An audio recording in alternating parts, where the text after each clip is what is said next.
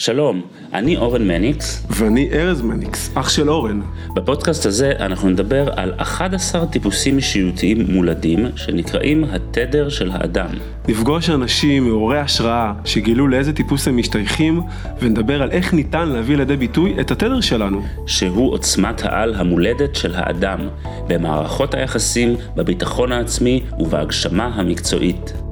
איך זה להיות אדם רוחני שגר בתוך בסיס צבאי? ניצן אלפסי היא מאמנת ומנחת סדנאות שגרה בתוך בסיס צבאי.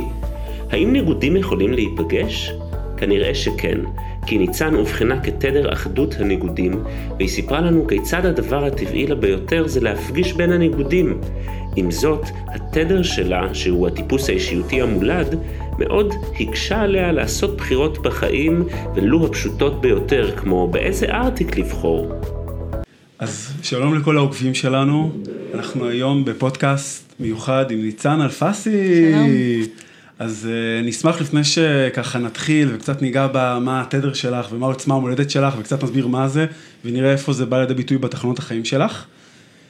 Uh, קצת בכמה מילים תסבירי, מי שלא מכיר אותך, ככה על עצמך. מהמם. אה, אז אני ניצן אלפסי, אני מאמנת תודעתית ואני מלווה תהליכי העצמה אישית בעזרת כלים מעולמות של אה, תת המודע, האנרגיה והרוח. אה, יש לי פודקאסט שנקרא פותחת תודעה, אני כבר כמעט באתי להגיד, והפודקאסט הזה, כי אני כל כך מתורגלת בלהגיד את הפתיח של הפודקאסט. ואני באמת עוזרת בעיקר לנשים בכל מה שקשור לחיבור עצמי וחיבור ליכולות הריפוי הטבעיות שלהם. אני מתעסקת בזה ככה בארבע שנים האחרונות, ומאוד שמחה להיות פה. איזה כיף.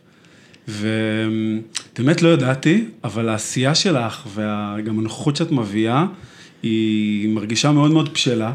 וגיליתי ש... שאני בת 27. שאת בת 27, וזה מרתק מבחינתי, ואני חושב שזה מאפשר לך, מצד אחד יש לך בגרות, מצד שני את מחוברת לקהל צעיר, קולטת נכון. אותו, ויש לך, אני חושב שיש לך איזה משהו שהוא יכול להיות ככה, נקרא לזה מחבר או מתווך בין עולמות, אז, אה, אז אני בטוח שהולך להיות מרתק. לגמרי. אה, לפני, לפני השידור אורן אה, יבחן בעצם את העוצמה המולדת שלך, שזה התדר. אורן, תסביר למי שלא מכיר בכמה מילים מה זה, מה זה התדר, ואחרי זה כמובן תרחיב על התדר של אה, ניצן, ואז נראה איפה זה בא לידי ביטוי בחיים שלה בכל מיני צורות, ונכיר אותה. מעולה. אז בואו נתחיל במה זה תדר, למי ששומע אותנו בפעם הראשונה. תדר זה בעצם המהות הפנימית המולדת של הבן אדם. כל אחד מאיתנו הגיע עם איזשהו אה, סל של חוזקות ואיזושהי עוצמת על אישית שהיא מולדת. אה, והעוצמת העל הזאת יכולה לשמש אותנו כדי להעלות את החיים שלנו למעלה, ואם אנחנו לא יודעים איך להשתמש בה, היא גם יכולה להחריב לנו את החיים. אמ, ומה שזה בעצם נותן זה ממפה את אותה עוצמת על והשיטה הזאת מלמדת אותנו על איך משתמשים בעוצמת העל המולדת שלי כדי למנף את החיים שלי. אנחנו מאבחנים את העוצמה הזאת, את התדר הזה באמצעות מבחן של ריחות, כי מה שבעצם התגלה זה שאנשים שונים נמשכים לריחות שונים.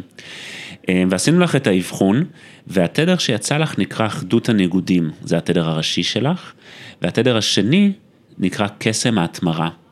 אז על קצה המזלג, אחדות הניגודים זה אנשים שיש בתוכם את כל התדרים, והמהות שלהם זה אחדות של השוני. הם יכולים להתחבר להמון המון סוגים של אנשים, אה, וכי הם מרגישים שכל מי שהם פוגשים, הם מזדהים איתו. כלומר, הם מרגישים שיש חלק באותו בן אדם שקיים גם בהם. והמהות שלהם זה לייצר הרמוניה בסביבה שלהם, על ידי חיבורים שהם עושים, על ידי הכלה של שוני, הרבה פעמים יהיה להם אה, חברים מסוגים שונים לגמרי, מגילאים שונים לגמרי, מרקעים שונים לגמרי, וזה בגלל שכל המגוון הזה קיים בתוכם. זה משהו שאת מתחברת אליו? מגניב. אני חושבת שזה בא לידי ביטוי בזה ש... בסוף בעבודה שלי יוצא לי לפגוש מגוון מאוד רחב של אנשים, אה, וזה, והרבה מהם שונים ממני, או מהסביבה שגדלתי בה, או מאיך שככה, אה, לא יודעת, תפסתי את עצמי, ובאמת העבודה נורא מאפשרת לי לבוא ולראות את האנשים האלה ולהת, ולהתחבר אליהם ולסיפורים שלהם, גם אם הם כביכול מאוד מאוד שונים משלי, וכאילו דיברת על אחדות, וזה מאוד התקשר לי למה שארז אמר בהתחלה, שזה באמת רגע, גם אני רואה ניגודים כרוח וחומר, שזה שני דברים שקיימים בתוכי, ואני מאוד אוהבת להנגיש ולחבר ביניהם, זאת אומרת, העולם של הרוח והעולם של החומר. אני מדברת הרבה על רוחניות, אבל אני גם בן אדם מאוד מאוד מקורקע, ושמאוד צריך את, ה, את הפרקטיקה, את הארץ, את הדברים של איך שהם עובדים, אז כשאמרת אחדות הניגודים, זה ישר כאילו הדבר הראשון שעלה לי. מדהים. מה את מתכוונת כשאת אומרת רוח וחומר? זה אומר שמצד אחד אני יכולה אה, להאמין באמיתות אה, מאוד רוחניות ולדבר על אה, נשמות ועל בחירות של נשמה ועל שיעורים וגלגולים, אבל מצד שני אני גם נורא חייבת שזה יישב לי בצורה רציונלית בראש, או שכל הדברים האלה יהיו מסודרים לסוג של סייקל, או דברים שהם מאוד מתובנתים. אני צריכה את הדברים בתבניות כדי שאני אצליח להתחבר אליהם ולהבין אותם. אז כאילו מצד אחד זה עולמות מאוד מאוד מופשטים, שאני צריכה לשים אותם בתבניות שהן כאילו כביכול מאוד ארציות בשביל להצליח אה, להתחבר אליהם, ובטח ובטח שגם להעביר אותם הלאה. אוקיי. אגב, אני רוצה להגיד שזה אחד האיכויות שאני מזהה במאמנים ומטפלים טובים, שיש להם יכולת לחבר בין העולמות. כלומר, לקחת משהו גבוה ולהוריד אותו לקרקע, אז אני חושב שזו איכות אה, מופלאה, בייחוד עם אנשים שעובדים עם אנשים, אז אה, אין לי ספק שמי שעובד איתך אה, זכה. איזה כיף, תודה. אה, כן. אה, הייתי רוצה לשאול אותך אה, דווקא קצת על הילדות שלך. Mm-hmm. אמ, הדבר הזה של, היכ... של הצורך בהרמוניה והמגוון הפנימי הגדול הזה, שהרבה פעמים כשאנשים, כלומר לכל תדר יש תופעות שמופיעות כשבמית... כשהוא במיטבו וכשהם לא במיטבם, האנשים. אז אמ, הרבה פעמים זה מופיע בקושי לבחור, למשל. בגלל שהאנשים האלה יש בהם את כל הצבעים, אז הם, הם כאילו נמשכים לכל הכיוונים די בצורה שווה. ואחד הדברים שהכי קשה להם זה לעשות בחירה, כי כשהם בוחרים, מה שהם חווים זה את מה שהם ויתרו עליו. וואי, זה ממש אני. זה למשל ממש, אה, נושא של קבלת החלטות זה נושא קרוב לליבי ברמה שממש גם הלכתי, חקרתי אותו, בניתי כאילו סביבו אה, באמת אה, כל מיני הדרכות וקורסים, כי זה היה משהו שהיה לי מאוד קשה גם היום, זה לא שזה בא לי בקלות, אני מאוד צריכה לעבוד על עצמי, כי כמו שאתה אומר, זה באמת נכון, זה המקום הזה של, רגע, אני מזדהה עם כל האפשרויות ואני שונאת להרגיש שפספסתי, אני שונאת להרגיש שוויתרתי על משהו. אה, וזה הרבה פעמים תופס אותי במקום הזה של רגע, בא לי גם את זה וגם את זה, ו, ו, וגם זה נכון, אבל גם זה נכון, אז רגע, מה, מה יותר נכון ומה יותר מתחבר אליי, אה, זה באמת עבודה שאני מוצאת את עצמי עושה המון וכל הזמן, כי החיים שלנו מורכבים מאינסוף החלטות. את יכולה לתת לי דוגמה, נגיד על צומת כזאת, או על דבר כזה, זה יכול להיות מהילדות, זה יכול להיות מהזמן האחרון, איך זה נראה בפועל? כלומר, מה, איך זה נראה בחיים?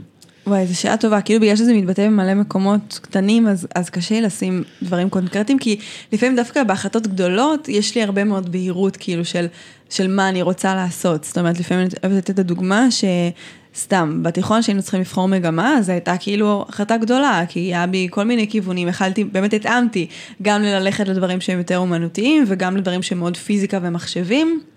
אה, ורציתי גם את הדברים כאילו שקשורים לנפש, ולא ידעתי כל כך לאיזה כיוון אה, לקחת, כאילו, בגלל שכל האפשרויות היו, פתוחות עבורי, אה, אבל דווקא שם היה לי ידיעה כזו ממש גדולה, שאני רוצה להיות במקום הזה של כאילו, רגע, לבוא ו, ולעשות את מה שעשיתי, שזה בסוף היה מגמת תקשורת, שהיא גם בתוכה קצת שילבה את הכל, כאילו היה בה גם קצת אזרחות, וגם קצת את המקום הפסיכולוגי. וזה היה שיקול כשבחרת? שרצית משהו שיש בו הכל? האמת שכאילו אני לא זוכרת, אבל זה מה שאני עכשיו בדיעבד כאילו יכולה לראות, בחרתי במגמה שיש בה גם מעשי וגם ריאלי, יש בה גם כאילו את התחומים האלה של באמת הפסיכולוגיה ולהבין כאילו למה אנשים רואים טלוויזיה ואיך התקשורת משפיעה עליהם, גם את התחומים אה, היותר כאילו פרקטיים של באמת סיפור ולספר סיפור ואיך להעביר את זה, אה, אז באמת היה בזה הכל מהכל, אז זה, זה, זה מעניין לראות את זה בדיעבד, את הבחירות האלה. לגמרי, זה אחד הדברים שקורים כשאנחנו מגלים את התדר שלנו, זה שפתאום אנחנו... כזה החיים שלנו עוברים לנגד עינינו, ואנחנו פתאום מתחילים להבין דברים שחשבנו שהם או טריוויאליים, או אה, חשבנו שלא לא, לא הבנו למה הם קורים, לא ידענו למה זה מה שחיפשנו, דווקא את זה. עכשיו, מה שקורה בתהליכים רגילים זה שעכשיו אני אמור לחפש בעבר מה קרה ומה נוצר שקשה לך לעשות בחירות. אבל לא קרה שום דבר בעבר, זה פשוט חלק מהמהות שלך, וברגע שאני מבין שאין לי כאן משהו לתקן, יש לך כאן מהות והיא מדהימה והיא נפלאה, זה בעצם סוג של קשת אחת גדולה שכוללת את כל הצבעים. ואז כשאני ניגש למשל לעשות בחירות מהמקום הזה, אז היחסים שלי עם עצמי יכולים להיות הרבה יותר בשלום, כי אני מבין שהקושי שלי הוא בעצם נובע מהעוצמה הכי חזקה שלי. אמ, אז באמת המוטו של אנשים שזה התדר שלהם, זה הגם וגם וגם. כי החוויה שלהם בלבחור, זה, זה כמו שאמרת, הרבה פעמים זה הבחירה, בוויט... הם לא בוחרים את הטוב שבבחירה, אלא את בוויתור שבבחירה. וזה כמו לשאול מישהו איזה יד אתה מעדיף שיכרתו לך, יד ימין או יד שמאל, מה, מה אתה רוצה, אבל תראה כמה, איזה, איזה, איזה טובה יד ימין, שהיא כמה היא משמשת אותך, תתמקד בה. כן. את מכירה את זה אה, מתקופות יותר מוקדמות בילדות שלך? את הקושי בלקבל החלטות? את הקושי בלקבל החלטות, את הרצון לגם וגם, את השאיפה להרמוניה. כן, את, את כל מה שאמרת, כאילו מגיל קטן ממש היה לי קשה לקבל החלטות, אני תמיד צוחקת על זה כי אני מדברת על זה, שזה היה ברמה של... הייתי מתייעצת עם אמא שלי איזה ארטיק לבחור במכולת. אה, זה היה ממש משפיע על החיים שלי בצורה כאילו כבר לא נעימה, לקח לי הרבה זמן לבוא ורגע יותר ללמוד להקשיב לקול הפנימי שלי ולדעת גם כזה יותר, פשוט לקבל את ההחלטה ולקבל באהבה שאני, בכל בחירה אני גם מוותרת על משהו, זה היה לי מאוד מאוד קשה וסבתא אה, שלי תמיד הייתה אומרת משפט שהכל ביחד אין אצל אף אחד. אה, וזה היה לי נורא קשה, כי כאילו הייתי אומרת, רגע, אבל אני רוצה את הכל, כאילו אני רוצה גם את זה וגם את זה, אני לא רוצה לוותר לא על זה ולא על זה, זה נשמע לי כיף וזה נשמע לי כיף, וזה יהיה לי טוב וזה יהיה לי טוב. היא בדיוק אמרה משפט שהוא סותר את המהות שלך, שאין הכל בבן אדם אחד ויש הכל בבן אדם אחד, וזה בדיוק התדר הזה, זה המהות הזאתי, שזה הכל בבן אדם אחד. רק שמה שהיא צודקת במה שהיא אמרה, זה שבעולם הכל זה כלום. ואם אני רוצה לתפוס את הכל, בדרך כלל אני נשאר עם כלום. כי העולם הזה מחולק לזמן ולמרחב, ואם אני במקום מסוים, אני בהכרח לא במקום אחר. נכון. אם אני מנסה להיות בשני מקומות בו זמנית, אני לא באף מקום. אני פיזית אולי במקום אחד, אבל אני לא באמת שם.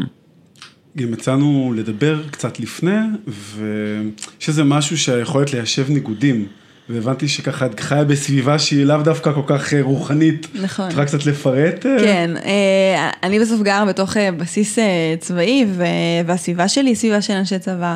אז, ובעלי בסוף הוא מגיע מהעולמות האלה, אז זה, זה משהו שהוא לא תמיד קל, זאת אומרת, הרבה שנים לא הבנתי איך זה התיישב הניגודים בינינו, וגם כשעברתי לשם, אז כזה אמרתי, טוב, אני כזה, אני יכולה אולי לוותר על חיים חברתיים שם, כי כולם יחשבו שאני מוזרה, אבל גם, אפרופו המקום הזה של ללמוד להסתדר עם הרבה סוגים של אנשים, למדתי שפשוט, גם פעם, כשרק התחלתי את העולם של ההתפתחות האישית, הייתי מאוד טוטאלית, כאילו, אמרתי, זה מה שאני מאמינה בו, זה מה שמעניין אותי, אני כאילו, אני רק רק זה, אני רוצה עם כולם רק שיחות עומק, אין מקום לשיחות חולין, כאילו הייתי מאוד כאילו בתוך זה. ועם הזמן למדתי לאזן את הדבר הזה ולהבין שיש בתוכי באמת את הניגודים האלה ואת הגם וגם. זאת אומרת, אני יכולה לנהל איתך את השיחה הכי עמוקה בעולם, כאילו על מהות החיים ונשמות ועניינים, ואני גם יכולה לדבר איתך על איזה לג'יל אני הולכת לעשות שבוע הבא אצל המניקוריסטית, ושתי השיחות יתקבלו כאילו בסבבה.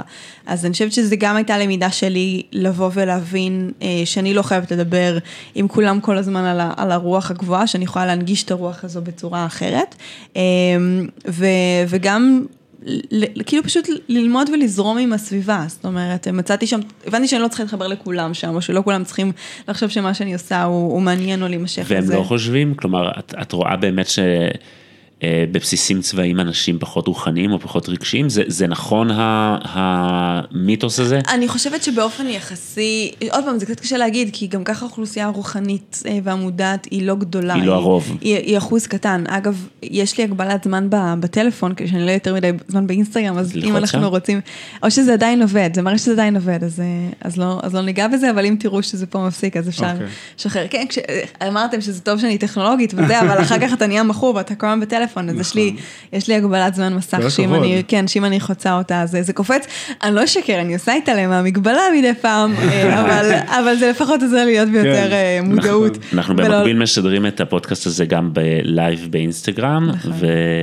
ועל זה דיברנו עכשיו שפתאום צץ בטלפון ההגבלת זמן. כן. אז, אה, אז אני חוזרת למה שאמרתי, זה גם ככה, אני חושבת שהכמות של האנשים שמתעניינים בהתפתחות ועושים עבודה עצמית, הוא, הוא גדל, תודה לאל, עם השנים, אבל הוא לא עצום. מה שכן, אני יכולה לספר שמאוד מאוד הפתיע אותי, זה שדרך הפודקאסט הרבה אנשים שם כן נחשפו למה שאני עושה. זאת אומרת, אה, כן, היה לי חששות לפני שעשיתי את זה, אני מודה, לא יודעת איך זה יתקבל, אבל יש לנו כאילו קבוצה של אנשים שגרות שם, ופשוט שלחתי כאילו כזה היי, וזה מה שאני מתעסקת, ואני מעלה עכשיו פודקאסט חדש, אז מי שכאילו מתחברת לז'אנר אז, אז מוזמנת, והרבה אנשים שגם לא הכרתי לפני זה, כתבו לי, וואי, האזנתי, מגניב, מעניין. כנראה שהם לא הקשיבו לכל הפרקים, יש שם פרקים מניהול זמן, שזה אולי הדבר הכי פרקטי, עד מסע הנשמה. כל אחד מוצא שם את הטווח שלו, אבל אה, זה גם היה איזשהו משהו שהפתיע אותי לטובה, שגם לפעמים אנחנו קצת נוטים אה, לעשות את הבחירה מראש עבור אנשים, כאילו מה הם ולמי הם יתחברו או לא, ובפועל ממש הפתיעו אותי. מישהי באה ואמרה לי, וואי, הפרק הזה כאילו סופר התחברתי, ואמרתי, אה, מה באמת, כאילו מביא ממש גישה כאילו, שהיא לא פשוטה, דיברתי שם על שיעורים אה, בזוגיות, ועל הלמידה שיש בתוך זוגיות, וגם אמרתי דברים שהם קצת כאילו סותרים את ה... אולי איך שאנשים מסתכלים על זה, ודווקא היא אמרה שהיא מאוד מאוד התחברה. אה, וזה לא, וכאילו זה ממש הראה לי שאיך שאני תופסת את האנשים, גם לפעמים אני, אני לא מודעת לכל החלקים האלה שנמצאים בתוכם. אמרת משהו מאוד חשוב, כי הרבה אנשים מרגישים, נגיד, שהם לא בוחרים את הסביבה שלהם, וסביבה שהם לא בטוחים שיקבלו אותם. למשל, מישהו בא למקום עבודה, ויש לו איזה חוויה שהעובדים או ההנהלה, יש דברים שהוא לא, הוא מתבייש בהם, או תחביבים שהוא חושב שלא יקבלו. או יכול להיות קהילה שאתה מגיע עם הבן זוג כמו ש, שאת. ואני חושב שזה נושא שהרבה פעמים, אגב זה יכול להיות גם בתוך המשפחה, שאתה מרגיש חריג. נכון.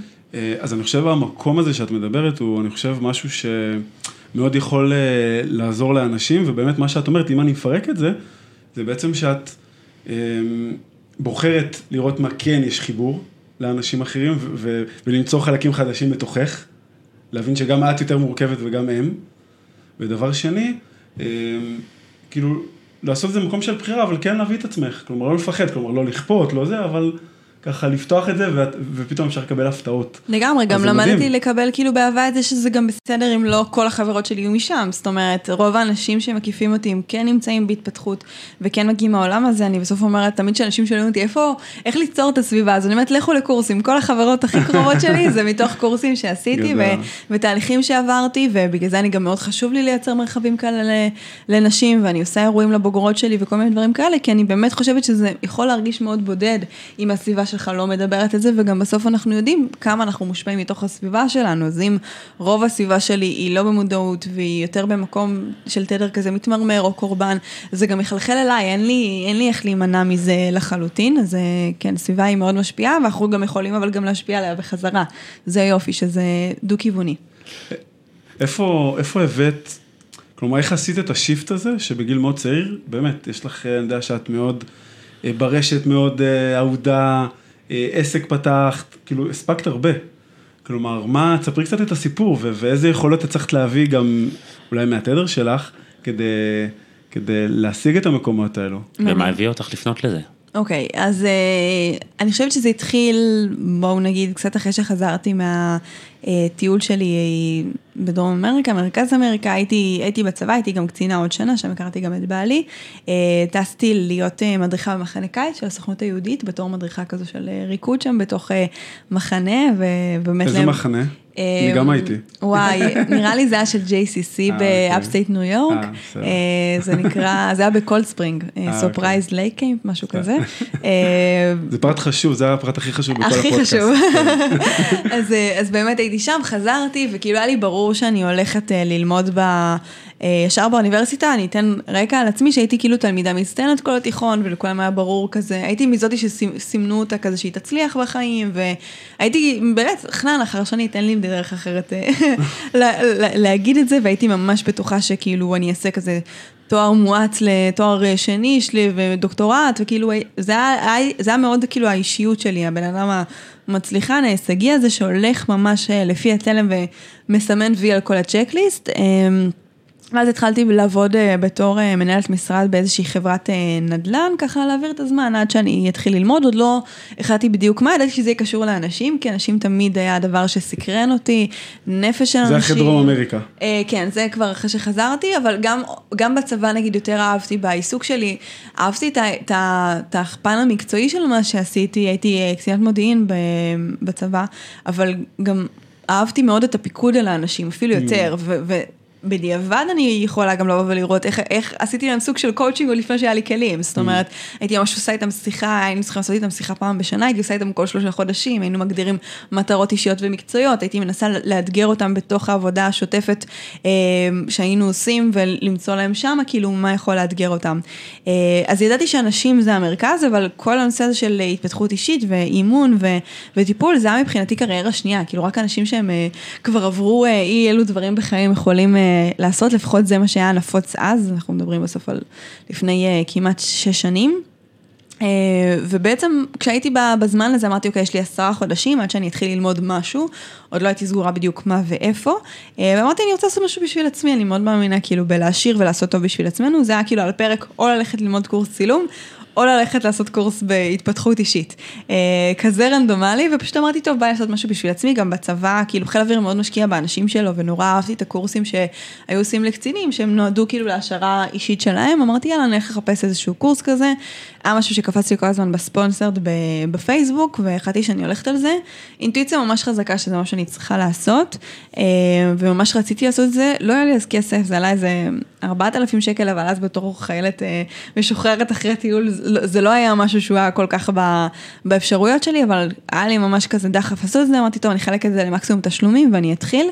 אה, ובאמת משם התחיל, התחיל השיפט שלי, כי שם בעצם נחשפתי לכל מה זה תת המודע, ואיך הוא משפיע עלינו, ופתאום התחברו לי המון המון נקודות במי שאני ולמה דברים קורים כמו שהם קורים, ואז גם תת המודע בעצם מאפשר לנו גם לשנות, לא רק להגיד, אוקיי, אני, אה, קשה לי לעשות ככה וככה, כי בילדות עברתי את זה, את זה ואת זה, אלא גם יש אפשרות לבוא ולחזור לזיכרונות האלה, ולצרוב אותם מחדש, ואז ראיתי שגם דברים בי משתנים, הרי דיברתי על זה שאני מתעסקת בביטחון וערך עצמי, כי זה בסוף הכאב שלי, אה, מילדות, המקום הזה של להרגיש בעלת ערך, ולא להיות תלויה בפידבקים חיצוניים, ובמה שאנשים אחרים עושים או אומרים. וראיתי כמה זה משפר את החיים שלי, ואז כאילו פתאום משהו נדלק, ראיתי שזה מסקרן אותי ברמה של, נגיד בכל ה... תקופה של מהחטיבה עד התיכון הייתי לוקחת קונצרטה. הבחינו אותי כבר בכיתה ג' עם הפרעות קשב וריכוז, ועד כיתה ו' אמא שלי לא, לא הסכימה לשמוע, מכיתה ו' היא, היא הבינה שזה כאילו פוגע בי בכל מיני רמות, נתנו לי באמת את, ה, ה, את הכדור, וכל השנים האלה האמנתי שאני לא יכולה להסתדר בלי הכדור, וזה ברמה שאפילו לקורס, ואז חמש שעות, מחמש עד עשר בלילה, אמרתי, טוב, אני אקח את הכדור, אחרת אני לא אצליח להתרכז. ודיברנו שם על אמונות מגבילות, ועל כאילו כמה דבר, התניות ודברים יש לנו, ואז אמרתי, אוקיי, יאללה, בוא, בוא נבחן, בוא ננסה לבוא לשיעור אחד בלי כדור ולראות מה קורה. והייתי סופר מרוכזת, לא הייתי צריכה בכלל את הכדור, הסיפורים של האנשים וכל מה שלמדנו היה כל כך מעניין, שזה פתאום כאילו הפיל לי את האסימון הראשון של א', יש מצב שכאילו זה איזשהו אה, סיפור ואמונה מגבילה, אבל גם ב', יש פה משהו שמעניין אותך ברמה שאת לא צריכה כדור. זה אה, היה בעצם הפתח הראשוני לזה. אגב, הרבה פעמים הפרעות קשב וריכוז, אני רואה לבת שלי, שכאילו היא מוגדרת, היא בת שמונה, והיא יכולה, כאילו, לא להיות חמש דקות, לא יודע, ללמוד שפה או עברית או מקצוע שהיא לא אוהבת, אבל נגיד, לעשות איזה משהו בציור, משהו לא מעניין, משהו חוזר על עצמו כזה, אבל היא, זה התשוקה שלה.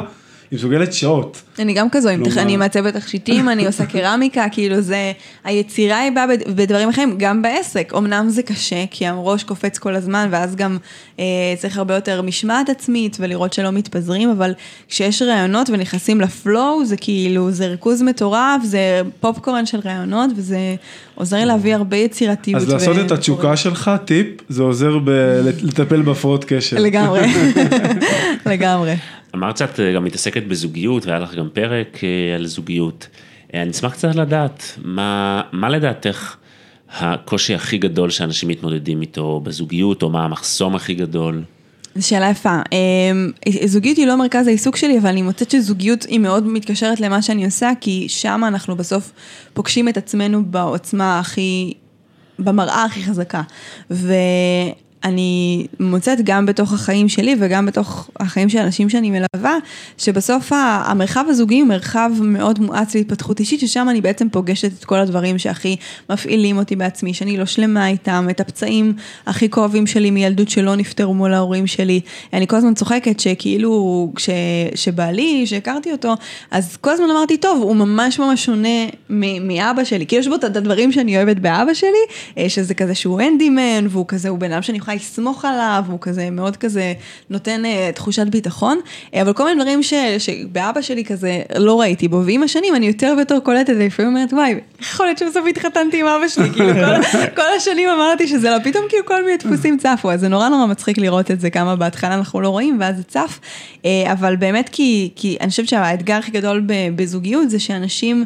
אה, בסוף רואים את המראה הזו ונבהלים, והמון פעמים בוחרים בלוותר על להתמודד עם המראה הזו מאשר לבוא ולהתעמת, כי זה נורא קל לבוא ולהגיד, אוקיי, אני מפרק את הכל, או שאני עוזב את הזוגיות הזאת, ואנחנו בעידן שזה הרבה יותר קל. עכשיו, שלא תבינו לא נכון, אני מאוד מאמינה גם בבחירה חופשית ובעובדה שיש לנו זכות לבחור עם מי ללמוד את השיעורים שלנו, זאת אומרת, יכול להיות שאם בן אדם ספציפי זה שאני אעזוב זוגיות לא אומר שהשיעורים האלה לא יחזרו, זה יבוא לי גם עם הבן זוג הבא, אבל יש לי עדיין את זכות הבחירה אם אני רוצה ללמוד את זה עם האדם הזה או לא, ואני גם תמיד אומרת שהכלל שה, אצבע שלי לפחות זה המקום של גם עד כמה הצד השני אה, הוא בן שאפשר לנהל איתו דיאלוג ותקשורת, והוא כן נמצא ב... הוא לא חייב להיות במודעות כמו שלי, בעלי ואני לא נמצאים באותה מודעות, אבל כן יש לנו את היכולת לדבר על הדברים ולהתפתח מתוכם. אני חושבת שזה, אנחנו גם נפרדנו כמה פעמים אחרי שהתחלתי את התהליך mm. של ההתפתחות שלי, כי היה בינינו באמת הפרשי תדר כאלה, אני קוראת להם. מה עושים עם זה? הרבה אנשים שמתפתחים, באמת קורה להם אבסורד, הם רוצים לשפר את מערכות היחסים שלהם, ואז העיניים שלהם נפתחות.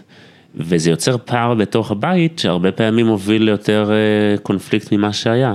איך גישרת על זה? אמ, אני חושבת שלפעמים הפרידה והבחירה לחזור היא אולי בסיפור שלנו הייתה הכרחית, כי לפעמים דווקא כשאתה שנייה יוצא בזום אאוט ואתה מתאזן, אתה מבין דברים, זה גם... שוב, צריך להבין שההתפתחות הזאת והפער הזה הוא מגיע על מצע של משהו שכבר היה שם קודם. זאת אומרת, אני יכולה להגיד שבהתחלה היה לנו כל מיני אתגרים שקשורים לתקשורת וכמה כן היינו מדברים או לא מדברים על מה שמפריע לנו ו, וכאילו ברגע שנוצר גם הפער התודעתי, אז כל הפער הזה התעצם, זה בסך הכל שם זכוכית מגדלת על מה שכבר היה קיים. Mm. אה, אבל ברגע שגם הייתי יותר מודעת לזה ואני חושבת שגם בסוף הריחוק תרם לזה והרצון המשותף להתקרב מחדש, אז אז גם היה לי יותר אה, כלים לבוא בפתיחות ומודעות לדברים שהוא מפעיל, וגם הוא מתוך הזמן שלו היינו ביחד, אה, למ...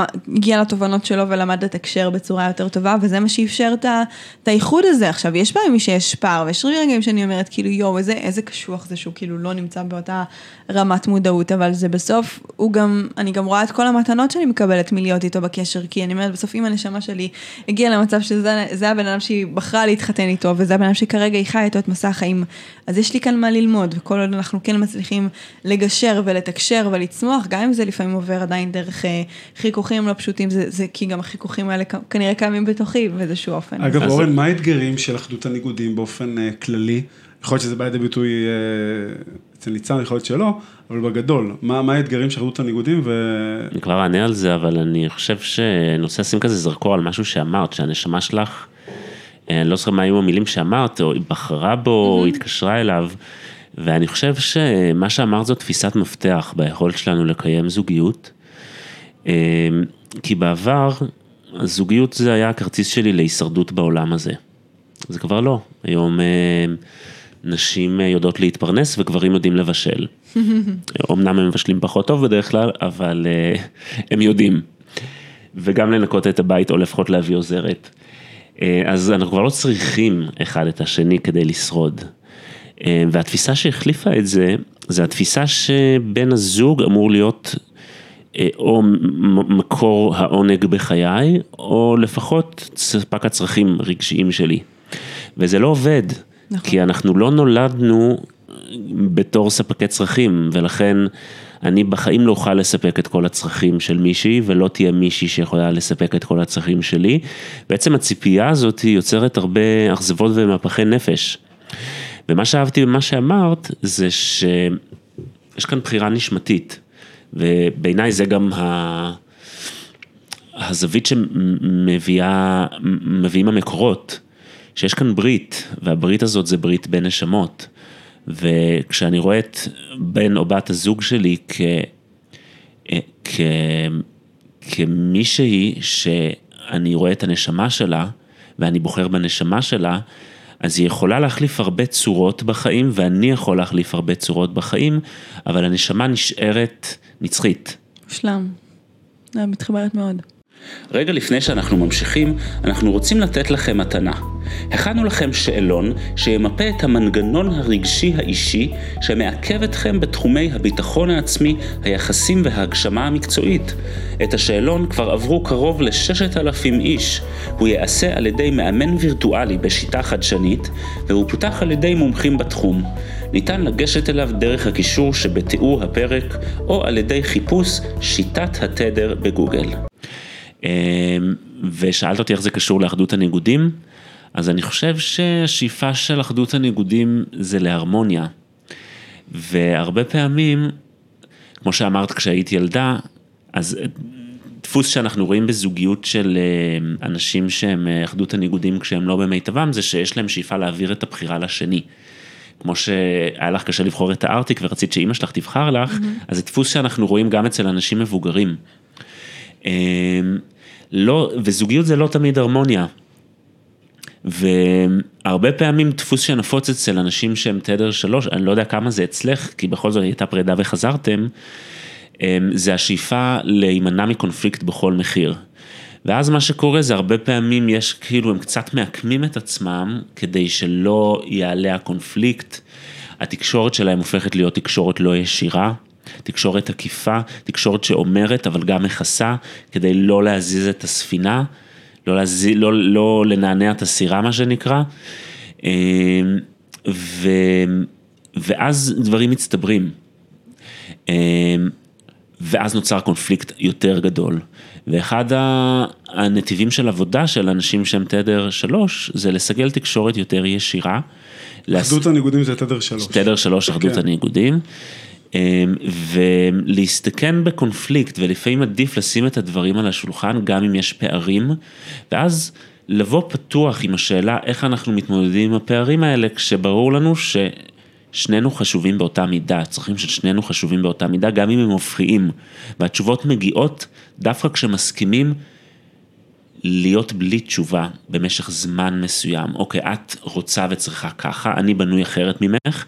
ולכן אני רוצה וצריך משהו שהוא הפוך, אז מה אנחנו עושים? לא יודע מה אנחנו עושים, בואי שנייה נהיה עם זה. בואי שנייה נהיה עם זה, בואי שנייה נהיה עם העובדה שאני אוהב אותך ואת אוהבת אותי, יש לנו כאן הופכיות בצרכים, זה פלונטר, אנחנו לא יודעים כרגע מה לעשות עם זה, ובואי שנייה נהיה עם זה. ואז הרבה פעמים מגיעים הרעיונות, מגיעים הדרכים היצירתיים, אפשר למצוא, אפשר למצוא פתרונות גם כמו שכתוב, אמ, שנאה תעורר מדנים ועל כל פשעים תכסה אהבה. ברגע שאנחנו זוכרים את האהבה והמקור של זה זה הברית הנשמתית בינינו, מוצאים את הפתרונות, גם אם לא נוח בדרך לפתרונות האלה, בסוף מוצאים אותם. ממש, אה, גם אמרת משהו שתפס אותי, אני כבר אתייחס להרמוניה, אבל ביחס לזה שכאילו יש איזושהי התנגשות לצרכים, אחד הדברים שלמדתי גם בשביל ליישב את, ה, את הפערים בינינו, זה הנושא של תקשורת אה, מקרבת. ואחד הדברים היפים שיצא לי לשמוע שם, שזה העובדה שלא הצרכים שלנו מתנגשים, אלא האסטרטגיה שבה אנחנו מנסים למלא את הצורך היא מתנגשת. וזו הבנה שהיא מאוד מרגיעה, כי לפעמים אתה אומר, רגע, מה אני אעשה? אנחנו צריכים דברים שונים. אבל זה לא שאנחנו צריכים דברים שונים, כי בתכלס, מתחת לדברים, זה לא, זה לא חייב להתנגש, מה שמתנגש זה לרוב זה שאני חושבת שהדרך שלי למלא את הצורך זה לעשות א', ב' וג', שאתה תעשה א', ב' וג', והדרך שאתה רואה זה היא שונה. נכון. אז זה גם איזושהי הזמנה שנייה להסתכל על זה. אה, ומבחינת מה שאמרת על ההרמוניה, אני מאוד מאוד מתחברת לזה, כאילו אני יכולה להגיד בדיוק, אה, בעלי גם שיקף לי את זה, שכשאנחנו מתווכחים, אז הנטייה שלי היא ישר תהיה לבוא ולנסות כאילו להסדיר את העניינים, ו- ולבוא ולא, כאילו, אני יודעת גם את הספייס שצריך, אבל זה, הדחף הראשון יהיה כאילו לא ללכת לישון כועסים, או לא לתת לדברים האלה להימשך, הוא כאילו יותר יכול להסתגר בתוך עצמו ולהתנתק. אה, באופי שלו מעניין הזה, איזה תדר הוא, אם הוא ייבחן בזה. עוצמת הגבריות. כנראה. זה נפוץ אצל גברים, אבל יש תדרים שזה גם יחסית לגברים, זה יותר... אה, אמ, מובהק אצלם. מעניין, אז... אה, אז... למשל תדר שנקרא עוצמת הפנימיות, שאני מכיר אותו טוב כי זה התדר שלי, זה אנשים שמעבר לזה שזה גבר אישה, הם זקוקים להרבה זמן עם עצמם, הם זקוקים ליותר זמן מהממוצע אה, עם עצמם, אה, וזה כאילו הם מטעינים את הבטריה. כשהם עם עצמם, אז זה כאילו הבטריה מתמלאת ואז הם יכולים שוב לצאת החוצה. מעניין ממש. אז, אה, אז כן, אז באמת המקום הזה ששואף להרמוניה, אני, אני מכירה אותו בעצמי, אה, וגם המקום הזה של העימותים, זאת אומרת, אני כל, כל הזמן עושה על זה עבודה, על לבוא ולתקשר את הדברים כמו שהם, אבל אני מכירה בעצמי את הדפוס הזה שיבוא ו... יעגל את המילים בשביל שזה יעבור יותר חלק, בשביל שזה יישמע יותר טוב, בשביל לא להיכנס לקונפליקט ו- ולעימות, זה משהו שמגיל מאוד קטן, אני, אני מכירה את ההימנעות הזו והרצון הזה לא להיכנס לקונפליקטים, אז אני גם מתחברת לזה. מדהים, מדהים. אה, בואי ניקח דוגמה למשל על פער בצרכים, וזה באמת דבר שנפוץ אה, בזוגיות. אה, הרבה פעמים צד אחד, כדי להרגיש, כדי לספק את הצורך בביטחון, הוא צריך קרבה וחיבור. וצד אחר, דווקא כדי להרגיש את הביטחון, צריך אמ, אפיזודות של מרחק. והרבה פעמים יש התנגשויות, אמ, בעיקר בתח... בתחילתם של קשרים, אבל לא רק, כשיש פערים בצרכים האלה, כשצד אחד מרגיש ביטחון דרך אסטרטגיה של חיבור, וצד שני מרגיש אה, צורך של חופש דרך אסטרטגיה של אה, מרחק. אמ, ומה שקורה במצבים האלה, אמ, הרבה פעמים יש חוסר הבנה. כי הצד שזקוק לקרבה, הוא מקשר בין הקרבה לאהבה. וכשמגיע מרחק, זה מתפרש אצלו כ... כ... כחוסר חופש. אהבה, כחוסר אהבה, כשמגיע מרחק, כשהצד השני מתרחק ממנו. דחייה מה... אפילו. דחייה, נטישה, אמ, בדידות. כשלמעשה הלב של השני נמצא איתו, אבל כדי, מבחינת הצד השני שדווקא צריך את המרחק, כדי שהלב יוכל להמשיך להיות עם הצד הזה שצריך את הקרבה, הוא חייב לתפוס מרחק ולקחת כמה צעדים אחורה, כדי שהוא יוכל לחזור מתוך רצון מחודש לחיבור ולקרבה. זה לא רציף אצל כולם, ובאמת אפשר בראייה גסה לחלק את זה שרוב הנשים יותר, השפה שלהם זה שפת החיבור ואהבה, ורוב הגברים, השפה שלהם זה שפת העצמאות והאוטונומיות. אמ, ואני אומר רוב, למרות שיש המון המון נשים והמון המון גברים שזה הפוך אצלם, בערך 20 עד 25 אחוז, שזה מיעוט בכלל לא מבוטל.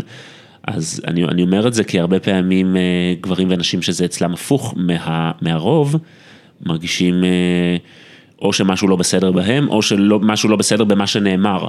אז זה בסדר, זה, זה הכל בסדר, כאילו גם אם זה הפוך, זה פחות משנה אם זה גבר או אישה. אמ, אבל אנחנו רואים את זה שכשפתאום נוצרת הבנה במקום הזה, אז זה כבר לא נגדי. והצד המתרחק יכול לתקשר את הצורך שלו מבלי להרגיש אשמה, והצד המתקרב יכול לשחרר ועדיין להרגיש אהוב. Mm-hmm. מכירה את המנגנון הזה?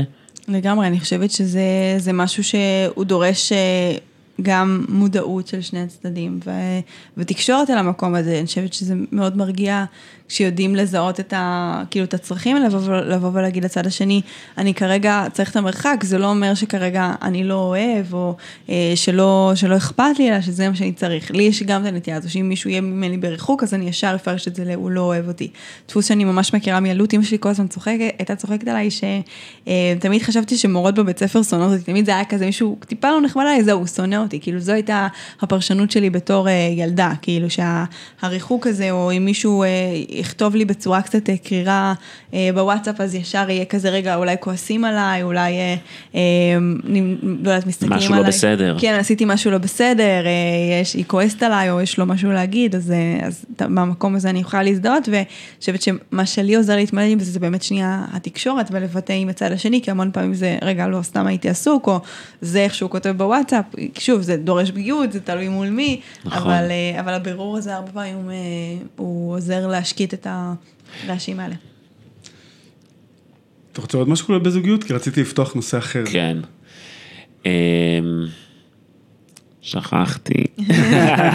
אחרי שאתה תגיד, גם לי יש משהו להגיד על המספרים, כי זה גם מעניין, למדתי אה. נומרולוגיה, אז... אז בואי, תגידי, אנחנו... קודם כל, קודם כל אנחנו נותנים, אה, כאורחת נותנים לך עדיפות, וליידיס פורסט. אה, כן, נזכרתי מה רציתי להגיד. אוקיי, אמ, שכל הנושא הזה של תקשורת זה סופר סופר חשוב בזוגיות. אמ, ובאמת, אני חושב שכולם צריכים ללמוד את זה, איך מייצרים תקשורת בזוגיות, תקשורת שהיא מקרבת, תקשורת שהיא אפקטיבית. אה, וצריך גם לדעת ולהבין שבדרך כלל, בראייה רחבה שוב על פי רוב, נשים יותר טובות במילים. ואז מה שקורה זה ה... האינסטינקט הגברי שאומר לגבר תהיה ראשון, תהיה חזק, תהיה יותר, גורם לו להתרחק משדה התקשורת, כי באופן לא מודע הוא חש שבשדה הזה של התקשורת הוא נחות, הוא מרגיש נחיתות. ולכן בלי שהם ידעו להסביר את זה הרבה פעמים, הרבה גברים אה, נמנעים מהשדה הזה של תקשורת ושל דיבור על רגשות, כי יש להם נקודת התחלה בדרך כלל, על פי רוב, לא תמיד, אבל על פי רוב, יותר נחותה מהאישה שיותר מודעת למה שהיא מרגישה והרבה יותר יודעת לבטא את זה במילים. אז גם צריך לדעת את זה, כי הרבה פעמים נשים מתוסכלות מזה שהגברים לא מתקשרים ומהפערים ביכולת התקשורת בינן לבין בני הזוג שלהם. אוקיי. תודה אורן, נקודה חשובה. נכון. לגבי כן, המספרים. גם עניין אותי אם, אה, אם יש לזה איזשהו קשר לנומרולוגיה, אני, אני קוראת את זה הפוך, את מה שנמצא פה על השולחן, אבל אני כן יכולה להזדהות אה, עם כמה דברים. קודם כל, כאילו המספרים שיצאו לי פה זה 3 ו-4, אז אה, יום הלידה שלי הוא 13, אה, 13 לעשירי, אז בעצם בצמצום שלו זה 4, אבל נומרולוגיה, אני לא יודעת איך זה, איך זה פה באמת בשיטה של התדר, אבל זה... זה מדבר על תדר שהוא מאוד אה, ארצי, שהוא צריך מסגרות, שהוא צריך לעבוד בצורה מסודרת, שבלונית, אה, הוא מאוד תדר של עשייה, של מקום שבא ובאמת אה, לוקח את הדברים ו... ו עושה אותם כמו שצריך, כאילו Mm-hmm. זה, זה מישהו שבא לעבוד. ושלוש, אה, זה תדר יותר של אה, קלילות, של שמחה, זה, זה גם מצחיק, כי זה, זה תדר שיש יש בתוך, אה, פן בתוך הנומרולוגיה שנקרא שאיפת האדם, שזה החיבור ה, ה, בגימטריה של השם הפרטי והשם משפחה. ואצלי זה שלוש, וזה באמת גם תמיד אני צוחקת ששלוש זה, ה, זה המספר האהוב עליי, כאילו בנומרולוגיה, כי זה מה שאני הכי מרגישה שלא בא לי בטבעי, זאת אומרת, המקומות האלה, שלוש המספרים כאלה של, של קלילות, של ספונטניות ודברים כאלה, וזה וזה דברים... לא בא לך טבעי? אה, לא, לפחות לא באיך ש, שיצא לי לחוות את עצמי עד היום, כאילו, יש בי היבטים כאלה, נגיד בשלוש יש גם יצירתיות מאוד גדולה, שזה כן צדדים שנמצאים אצלי. אה, זה מספר של מזל, של דברים שמסתדרים בדקה ה-90, אה, אבל זה כזה, זה מספר שיש לי אליו אה, ממש רגשות, אז זה הצחיק אותי ש, שהוא, שהוא יצא כאן, ומעניין גם מה, מה הקשר, כי אה, גם אני רואה נגיד ששתיים זה עוצמת הרכות, וזה מאוד מאוד מאפיין את התדר גם בנומרולוגיה של שתיים, שהוא תדר רך ונקבי, אה, ובאמת שש, שמדבר על עוצמת הפנימיות, שזה תדר שיש לו שאיפה כזו להרמוניה פנימית וחיצונית, והרבה עבודה כאילו רגשית, שיש לו מספר מאוד רגשי, הוא גם לפעמים שוער בבטן, הספרה שש היא כמו כזה אישה בהיריון, אה, אז זה ממש... מעניין לראות את, ה... הקבלות. את ההקשרים, כן, בהרבה, בהרבה דברים, איפה, איפה זה יכול להיות אה, קשור, סתם זה תפס אותי. מעניין, אז אפרופו ארבע, אני אשמח לספר לך קצת על התדר המשני שלך. התדר המשני זה התדר השני הכי חזק באדם. לכולנו יש את כל התדרים, אבל לא בצורה שווה. יש לנו את התדר שהכי חזק אצלנו, ואת התדר השני הכי חזק אצלנו. והשני הכי חזק אצלך נקרא קסם ההתמרה, שהמהות שלו זה שינוי. זה אנשים שהמהות שלהם זה לייצר שינוי, זה להוביל שינוי, זה להיות בתנועה. אמ, ולכן הרבה פעמים הם יהיו אנשים שאו מובילים תהליכים של שינוי, או נמצאים במקומות עבודה שיכולים לכלול שינויים, כמו למשל מקומות עבודה פרויקטליים, או מקומות עבודה שהאנשים שם מתחלפים. אמ, דבר מעניין ש... שראיתי אצל חלק מהאנשים של תדר 4, זה שהשינוי אצלם מופיע בכל מיני מקומות. אז יש אנשים שהם תדר 4, שהם מחליפים אמ, מקומות עבודה, מחליפים אה, מקומות מגורים. הרבה, לא מעט אנשים שהם תדר 4 שפגשתי, אה, לא כולם, ואולי אפילו לא הרוב, אבל בטח יותר מכלל האוכלוסייה, מעידים שהם מזיזים את הרהיטים שלהם אחת לכמה זמן, כאילו מזיזים את הספה לכאן, מזיזים את השטיח לפה, את השידה לכאן. אה, אז כל הנושא הזה של שינויים זה משהו שאת מכירה מהחיים שלך? אה, אני יכולה להגיד שכן, הרבה שנים פחדתי מהם, אבל היום אני יותר לומדת לקבל אותם. אני חושבת שיש בי הרבה עניין של אה, היום צורך בגיוון. זאת אומרת, פעם באמת נורא ניסיתי לשמור מתוך הגיבעון הזה על איזושהי שגרה ספציפית והתנהלות שהיא מאוד כזה אחידה, כי זה בסוף נותן לנו ביטחון, או אשליה של ביטחון, זה יותר נכון להגיד, אבל אני חושבת שהיום, אני רואה את זה בעיקר גם בעשייה שלי בעסק, כל שנה אני ממציאה מלא דברים חדשים, כי אני פשוט צריכה את הגיוון, את הדברים שיוצאים ממני, דברים אחרים. אה, בבית, בגלל שאני עובדת כאילו רוב הזמן מהבית ומקבלת אנשים בבית, אז לא תראו אותי עובדת תמיד באותו חלק, לפעמים אני אעבוד מהקליניקה, לפעמים אני אעבוד מהפינת אוכל, לפעמים אני אעבוד מהסלון, לפעמים אני אעבוד מהגינה, לפעמים אני אסע לעבוד אצל חברה שהיא גם עצמאית, כאילו אני צריכה את הגיוון ואת התנועה הזו אה, במרחב שלי. אה, והגעתי לנקודה בחיים ששינויים מרגשים אותי, כאילו אני ממש זוכרת גם את התקופה שעברנו לגור בבסיס, וזה היה שינוי מאוד קיצוני, כי גרנו לפני זה בתל אביב. אה, אז זה גם כאילו לחיות יותר באווירה של אה, קיבוץ או מושב, לעומת אווירה של עיר, גם משהו יותר קהילתי לעומת משהו שיותר כזה סוליסטי, ו... כזה יחידני, וזה היה שינוי שמאוד מאוד התרגשתי, הוא גם בא מאוד קרוב לחתונה שלנו, שהיא גם בסוף מה, לא, לא באמת דברים השתנו בכזו קיצוניות, אבל זה, זה כן איזושהי קפיצת מדרגה בקשר, אז אה, זו הייתה תקופה מאוד מאוד מרגשת, ואני אוהבת שינויים, כי יש בזה משהו שהוא משמח, שהוא מרענן, אני חושבת שאנחנו חייבים להיות בתנועה, שהתנועה היא בריאה לנו, אה, שכל מה שהוא נשאר בסוף סטטי, הוא, הוא קצת מתנוון בסוף, אז אני לגמרי יכולה גם להתחבר למקום הזה של ה... יש לי גם פחד משינויים, אני יותר אוהבת שינויים שאני יכולה אה, לבחור מתי הם קורים והם נמצאים בשליטתי, אבל, אה, אבל ללא ספק גם אוהבת את התדר הזה של השינוי. מדהים. נהדר. אז אה, אולי נדבר על הקוד הרגשי. אוקיי. אז הקוד הרגשי אה, זה בעצם הרגש האישי שהבן אדם צריך להרגיש כדי להיות במיטבו. אמ, ויש לזה שני שימושים, אחד זה כדי להסתכל על האזורים השונים בחיים שלי ולראות עד כמה אני מרגיש את הרגש הזה. וזה נותן לי איזשהו מצפן, איזשהו ברומטר, לעד כמה אני במיטבי או לא במיטבי. וזה גם כלי עבודה, כי ברגע שאנחנו נכוון את המגדלור שלנו לרגש הזה ונתחבר אמ, לרצון להכניס אותו ולחקירה ולדרך של איך אני מכניס אותו יותר לחיים, זה בעצם משדרג לי את, ה, את מסלול ההתפתחות. אה, והקוד הרגשי שלך הוא, היא, שמחה, הרגש שיצא לך לפי מבחן הריחות שהוא הכי בסיסי אצלך ופותח לך את שאר הרגשות החיוביים, זה תדר השמחה, זה רגש השמחה. זה משהו שאת uh, מזדהה איתו? מאוד, זה גם מאוד קשור אגב לשלוש, שלוש זה לגמרי כאילו תדר של, של ילדותיות ושמחת חיים וקלילות, ו, ואני חושבת שבאמת זה המפתח להכל, ברגע שאני ממוקדת בשמחה ומגבירה את השמחה בחיים שלי, אז גם כל שאר הדברים נפתחים ו, ומסתדרים. מדהים. אה, את יכולה לתת דוגמה מהחיים שלך, איך האלמנט של השמחה או הצורך בשמחה מופיע? אמ, וואו, זו שאלה מעניינת. אה, אני חושבת שבסוף, אה, כשאני מחפשת את זה בחיים שלי, אני יותר מחפשת את זה סביב התרגשות, כאילו מאוד חשוב לי להתרגש ממה שאני עושה. אם אין לי התרגשות ממה שאני עושה, אז כאילו זה כזה, כל האנרגיה שלי נעלמת. אה, אבל כשמגיעה התרגשות, אז זה ישר מדליק את הכל. אז אם זה בעשייה שלי, אז זה לחפש את הנושאים באמת שמרגש אותי יותר לדבר עליהם, או להתעסק סביבם. שמחה יכולה להתבטא בלהיות אה, באירועים משמחים, בלעשות משהו שמשמח אותי. אה, אני מאוד דואגת לשמור על ה... על ה... על תדר גבוה בחיים שלי, בין אם זה ללכת ו... להתאמן ולעשות את היוגה ואת התרגול של ה...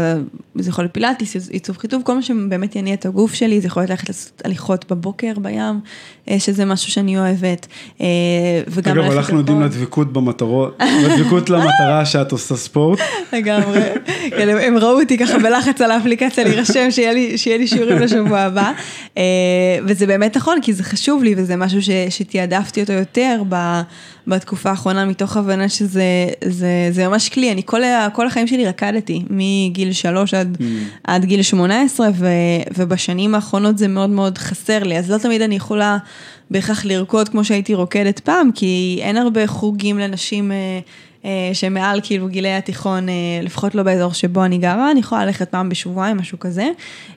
וחשוב לי להכניס את זה, פעם הייתי רוקדת חמש פעמים, אז תבינו כמה וואו. פער גדול, אז הבנתי כמה התנועה הזאת של הגוף היא, היא חשובה לי, זה משהו שאני מאוד... אה, מאוד מאוד משתדלת אה, להכניס לתנועה, יצירה, אני אוהבת להכין תכשיטים, אני אוהבת אה, לעשות קרמיקה, אני מאוד משתדלת לא להזניח את התחומים האלה, כי זה באמת דברים שמרגשים אותי, וכמובן אנשים, אני חושבת שאם יש משהו שיכול להוציא אותי בהכי הנה רגבה, זה להיפגש עם חברה ממש ממש טובה, לשבת לקפה, לעשות איזה משהו, כאילו, כיפי ביחד, או ללכת איתה לעשות קרמיקה, יש לי, יש לי חברות קרמיקה כאלה, אה, מכל מיני כיוונים, אה, אז דברים כאלה, אני חושבת שמערכות יחסים זה גם משהו שבשנים האחרונות אה, זיהיתי אותו כמשהו שמאוד מאוד מגביר את השמחה אה, בחיים שלי, מערכות יחסים שהן מדויקות לי, מערכות יחסים שעושות לי נעים, שהמפגשים הם ממלאים ולא מרוקנים אותי, אה, אבל לגמרי מערכות יחסים זה חלק אה, מהותי בזה. הלאה. אחלה. אז לפני הפינה, שיש לנו פינה של מצות לעבודה, שאורן יגיד, שאלה קטנה שעולה לי, כי את משחקת בערך עצמי. והרבה פעמים, הרבה פעמים ערך עצמי זה, יש את המקום הזה, איך תופסים אותי, וישורים חיצוניים, והיום אנחנו בעידן שיש הרבה רשתות חברתיות. וגם את אה, ברשת החברתית, וגם אנחנו. אמ, מה זה ברשת החברתית? חולשת על הרשת החברתית. ואיך איך לדעתך אנשים. איך אנשים ש... שהנושא שהם רוצים לעבוד על ביטחון עצמי, מערכות יחסים, איך הרשת החברתית משפיעה עליהם, ואיזה אתגרים יש להם, ומה, איך אפשר לקחת את זה כמקום חיובי, לא מקום של השוואתי. אמ, אז איך את רואה את זה? שאלה מהממת. אני חושבת שבאמת הרשתות החברתיות מגבירות בצורה מאוד מאוד משמעותית את כל מה שקשור להשוואתיות ואת רגשי נחיתות, מהסיבה הפשוטה שא', אנשים באופן טבעי, כאילו כן, נכון יש על איזה ביקורת של למה אנשים מראים רק צדדים החיוביים, עוד לא ראיתי מישהו שהדיפולט שלו כשהוא בוכה או כשהוא רב עם הבן זוג שלו זה לשלוף הצבע ולהגיד, לעשות סטורי. שומעים ההליכה של יום, בן זוג שלי עצבן אותי, כאילו אימא שלי רבתי איתה, זה, זה לא הטבע שלנו, הטבע שלנו לרצות לשתף בדברים שבאמת עובדים טוב, הבעיה היא שרובנו לא זוכרים ש... הפילטר הזה קיים אצל כולנו, ואנשים רוב הזמן חולקים באמת את הטוב, וכתוצאה נכון. מזה הם רואים רק תמונה חלקית ונמצאים במין אשליה כזו שאצל האנשים הכל טוב. אני חושבת שא', יש אחריות אישית לכל מי שנמצא בפרונט ו- ומציג את החיים שלו, לבוא ולשתף גם על הצדדים הפחות זוהרים, אה, ואני מאוד משתדלת לעשות את זה, ואני מקווה שמי שעוקבת אחריי מרגישה את זה, כי זה ממש משהו שחשוב לי לבוא ולהציג גם את הח- גם את הימים האנרגיה הנמוכה, גם את הימים אה, שפחות הולך טוב, נגיד סתם דוגמה שהייתה לי עכשיו, אה, הייתי בתאילנד עם המשפחה שלי במשך שלושה שבועות, ועל פניו כאילו תאילנד זה מושלם, ו- ו- ופריימים יפים, ותמונות שלי עם ג'ירפות, ובים, ומשקיות, והכל מהמם, אבל גם מנגד הי- הי- היו גם אתגרים, זאת אומרת, טסנו פעם ראשונה שישה אנשים בפורמט כאילו אחר, זה עם המשפחה, זה מאוד אינטנסיבי, אני לא גרה אצל ההורים שלי כבר כמה שנים, כאילו טסנו פעם ראשונה אני, בעלי, ואימא שלי ואבא שלי, וש- ושני אחים שלי, כאילו אחי ואחותי.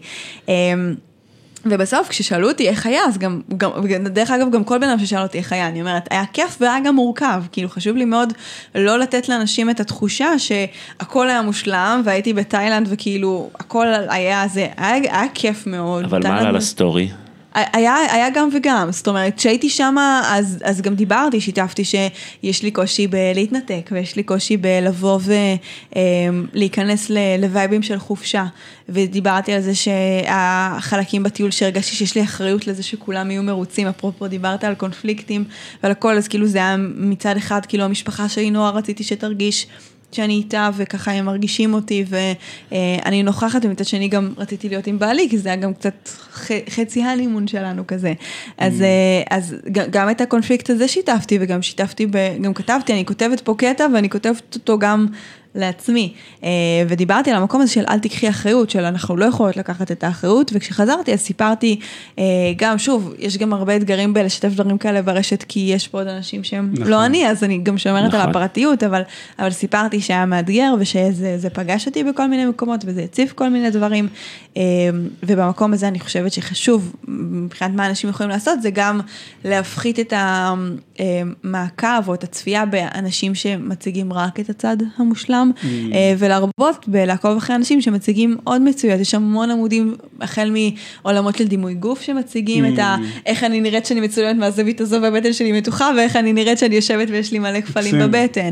אה, אנשים שמשתפים בכל מיני אתגרים בחיים שלהם, אפשר למצוא את האנשים האותנטיים האלה, ש... נכון. שמשתפים את כל, ה... את כל הקשת, וכשאנחנו רואים את זה, אז זה מנרמל גם את התחושות שלנו, ולדעתי גורם לנו להרגיש יותר טוב.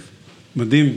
אז אנחנו הולכים לעשות עכשיו פינה שנקראת פינת המלצות לעבודה, שבה כל מיני, ניתן ככה, אורן ניתן פה סדרה של, של אה, התדר, אחדות הניגודים, כל מיני אופציות להמלצות לעבודה, ואז את תבחרי אחת מהן, ותבחרי למה בחרת. אמ, עבודה על אומץ ועל נחישות, זה המלצות מיוחדות לתדר. אה, עבודה על החלטיות ועל הוצאה לפועל של דברים. פיתוח יכולת בחירה בעשיית דברים שמרגשים אותם.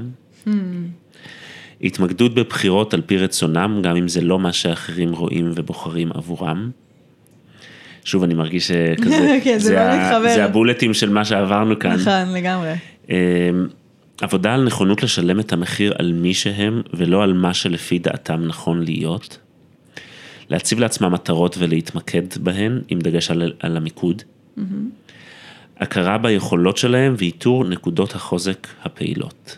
וואי, זה, זה מדהים כמה זה מדויק. אמ, אני חושבת שאני אלך על המקום הזה של אה, הסכמה לשלם את המחיר. אני חושבת שזה נקודה שגם היום כשאני יודעת את זה, לפעמים עדיין קשה לי לבוא ולהגיד, אוקיי, אני אעשה את הבחירה הזו ואני משלמת. אני אתן סתם אפילו דוגמה הכי קטנה.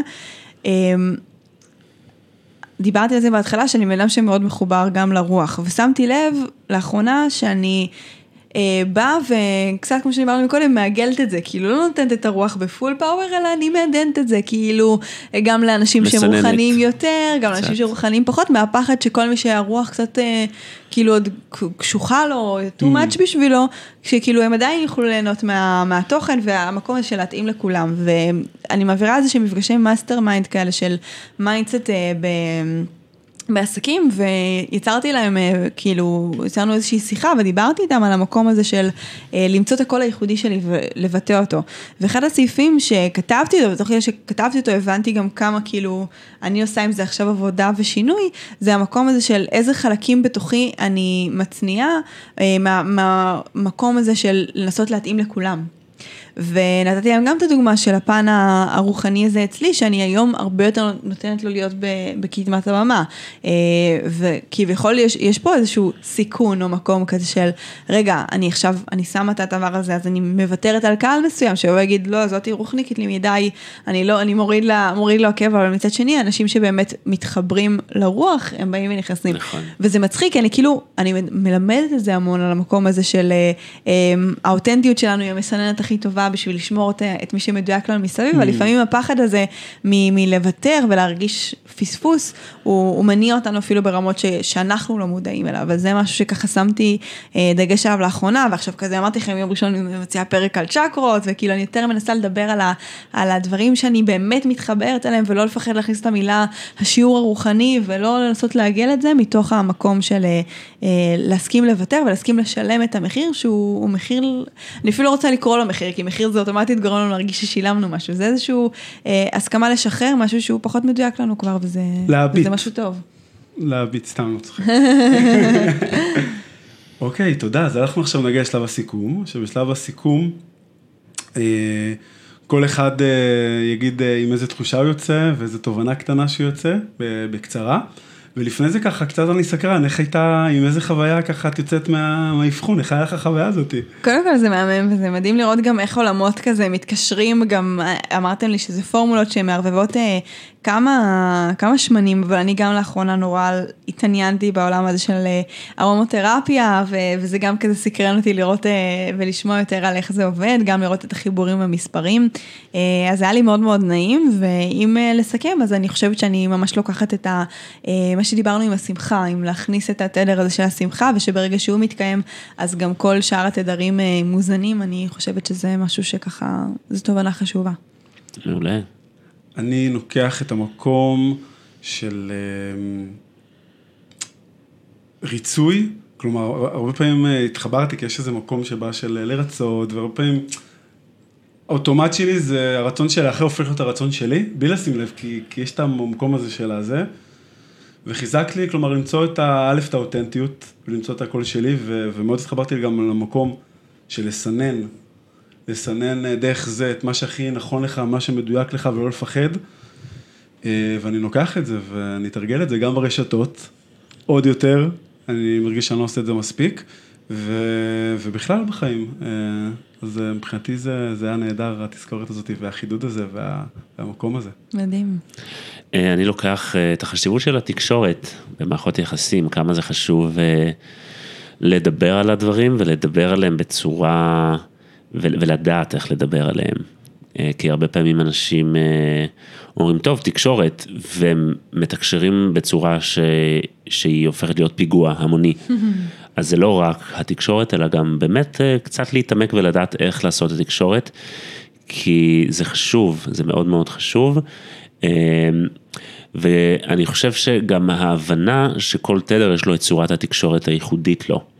אה, וברגע שלומדים אותה, אז גם אפשר לגשר על הפערים האלה, להבין בעצם מה הפירוש של התקשורת האחדות הניגודימית הזאת, למשל. אה, ותודה רבה לך. תודה לכם, היה לי ממש כיף. תודה, אז שני דברים. אחד, מי שבאמת התחבר, ואני מניח שכל מי שהקשיב פה התחבר לניצן, אז מוזן לעקוב אחריה בערוצים השונים, באינסטגרם, יש לה תכנים מהממים, ובכל הערוצים שתחפשו בגוגל ויעלה לכם.